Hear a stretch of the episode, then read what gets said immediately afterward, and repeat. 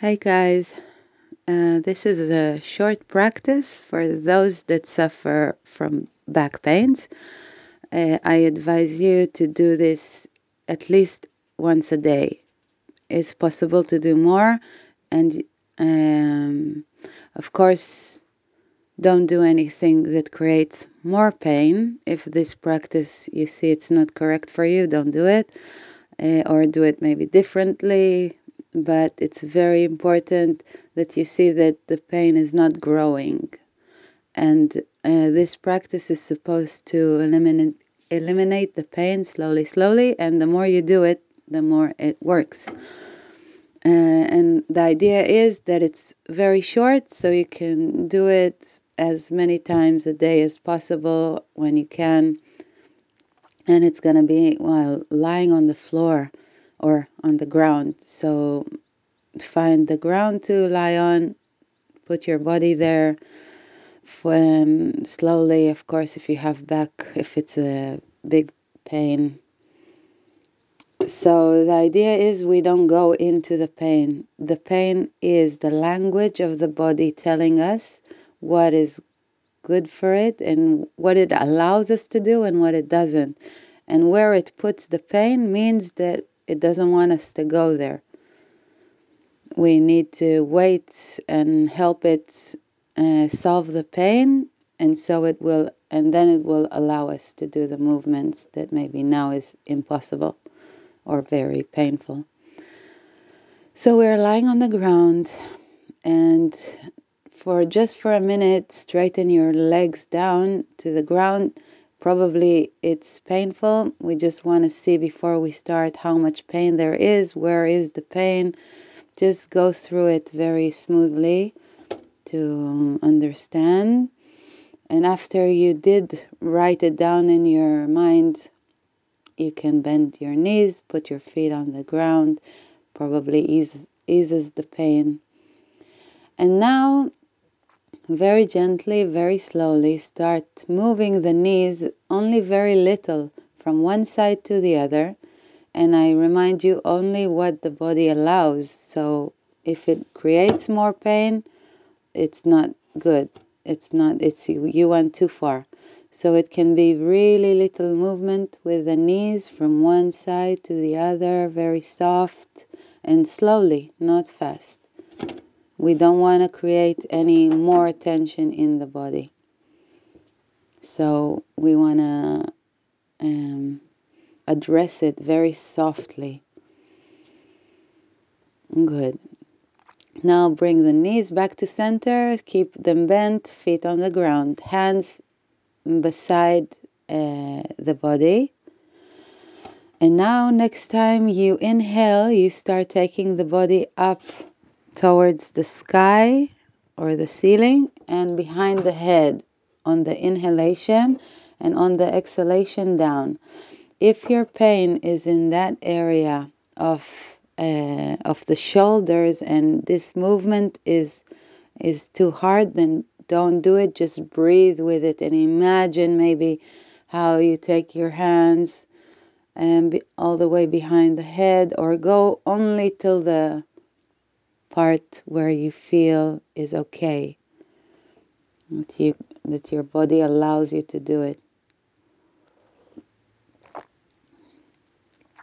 Keep on with your rhythm of breathing, opening the chest with the movement of the hands going from the sides of the body all the way up towards the sky and all the way behind the head on, on the exhalation, going again towards the sky and down to the side of the body. And the next time, your hands will be facing the sky, the ceiling, keep them there.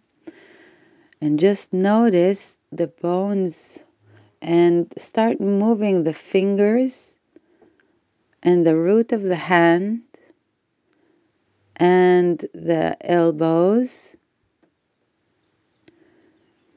And if you can also, without creating more pain, move a little bit of uh, behind the shoulders, the scapulas, the shoulder blades. moving them a bit, feeling them a little. Good. And now spread your hands in the uh, same line as the shoulders, shou- shoulder height, the, but on the floor, that they are not, you're not holding them, they are lying down on the floor in the same line of the shoulders. Breathe softly, notice where is the pain. And now gently start moving again the knees from one side to the other very, very softly, very slowly. Just notice the what the body allows you to do now.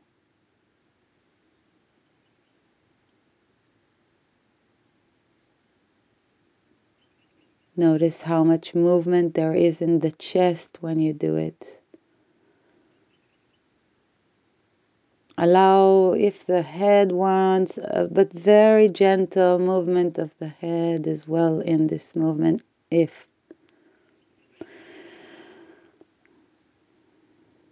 Very good. Now bring the um, knees back to the center and now take in with your hands the right knee. Hold it close to your chest, the right knee. And see if you can straighten to the floor without any pain the left leg. If it's painful, don't do that, of course, but if the body allows, straighten the left leg.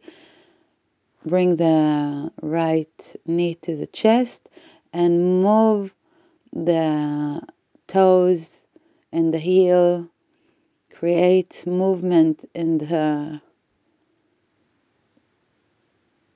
in the foot.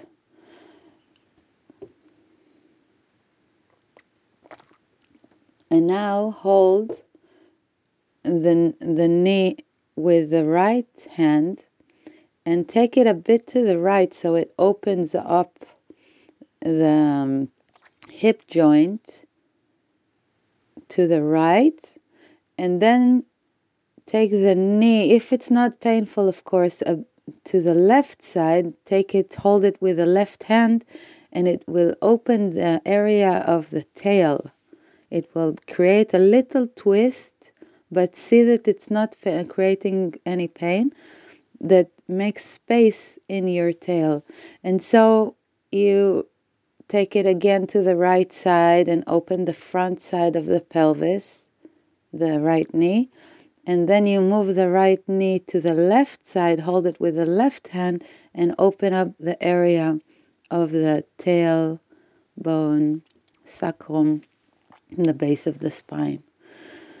One more time to each direction. Slowly.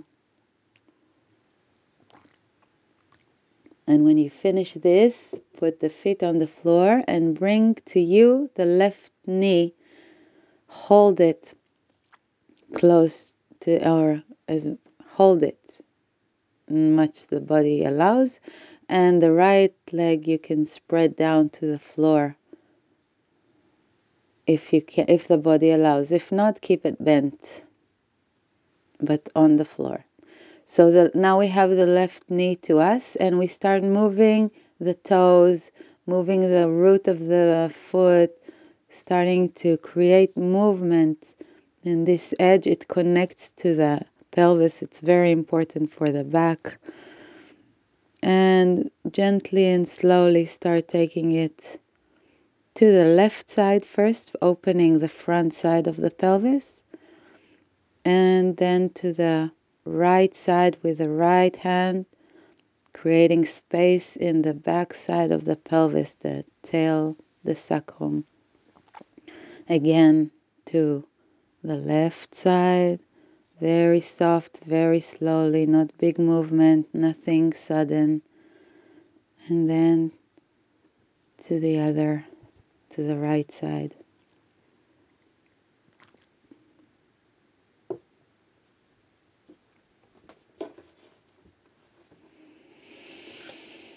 And when you finish three times each side, you can rest the leg down.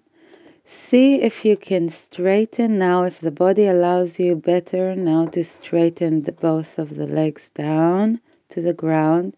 Just feel if there is any pain, where there where is the pain. If you do it for a while now, this practice, so maybe the pain got down and down, and now you can spread your body down on the ground.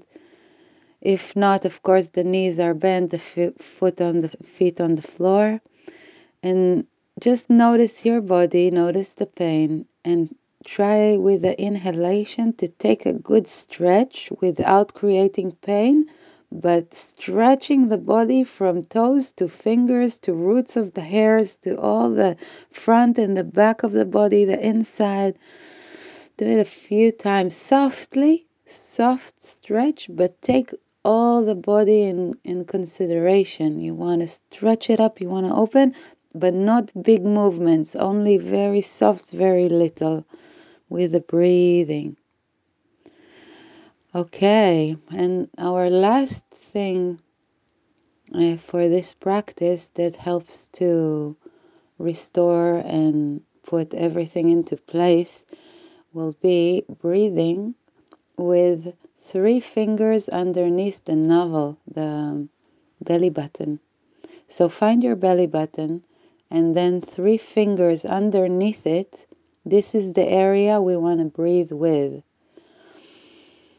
So, on the exhalation, we imagine or help this area go deep inside to towards the back of the body, toward the back par- parallel side to it. And on the inhalation, we release and expand.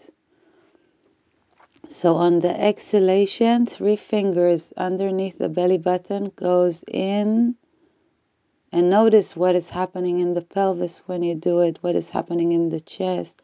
And when you inhale, you expand to all direction, front, back, sides, up, down, all of it. One. Keep going a few more breaths like this and see if you can on the next exhalation when you collect this area inside see if you can imagine the toes the fingers the crown of the head the tail all all of it part of this you you exhale from the center of the body and all the peripheral um, all the edges of the body are affected by it. And when you inhale, of course, it all expands and breathes in. One last breathing like this, exhaling softly, holding and releasing, expanding. Ah, just relax the breathing. Just notice what is going on, what has happened. And I hope notice what happened to the pain. Where is it? Where is it gone to? And I hope it gets uh, um, less and less painful and more and more stronger. Notice that and help the body do what it's trying to do all the time. Just keep you well and safe and Thank you very much.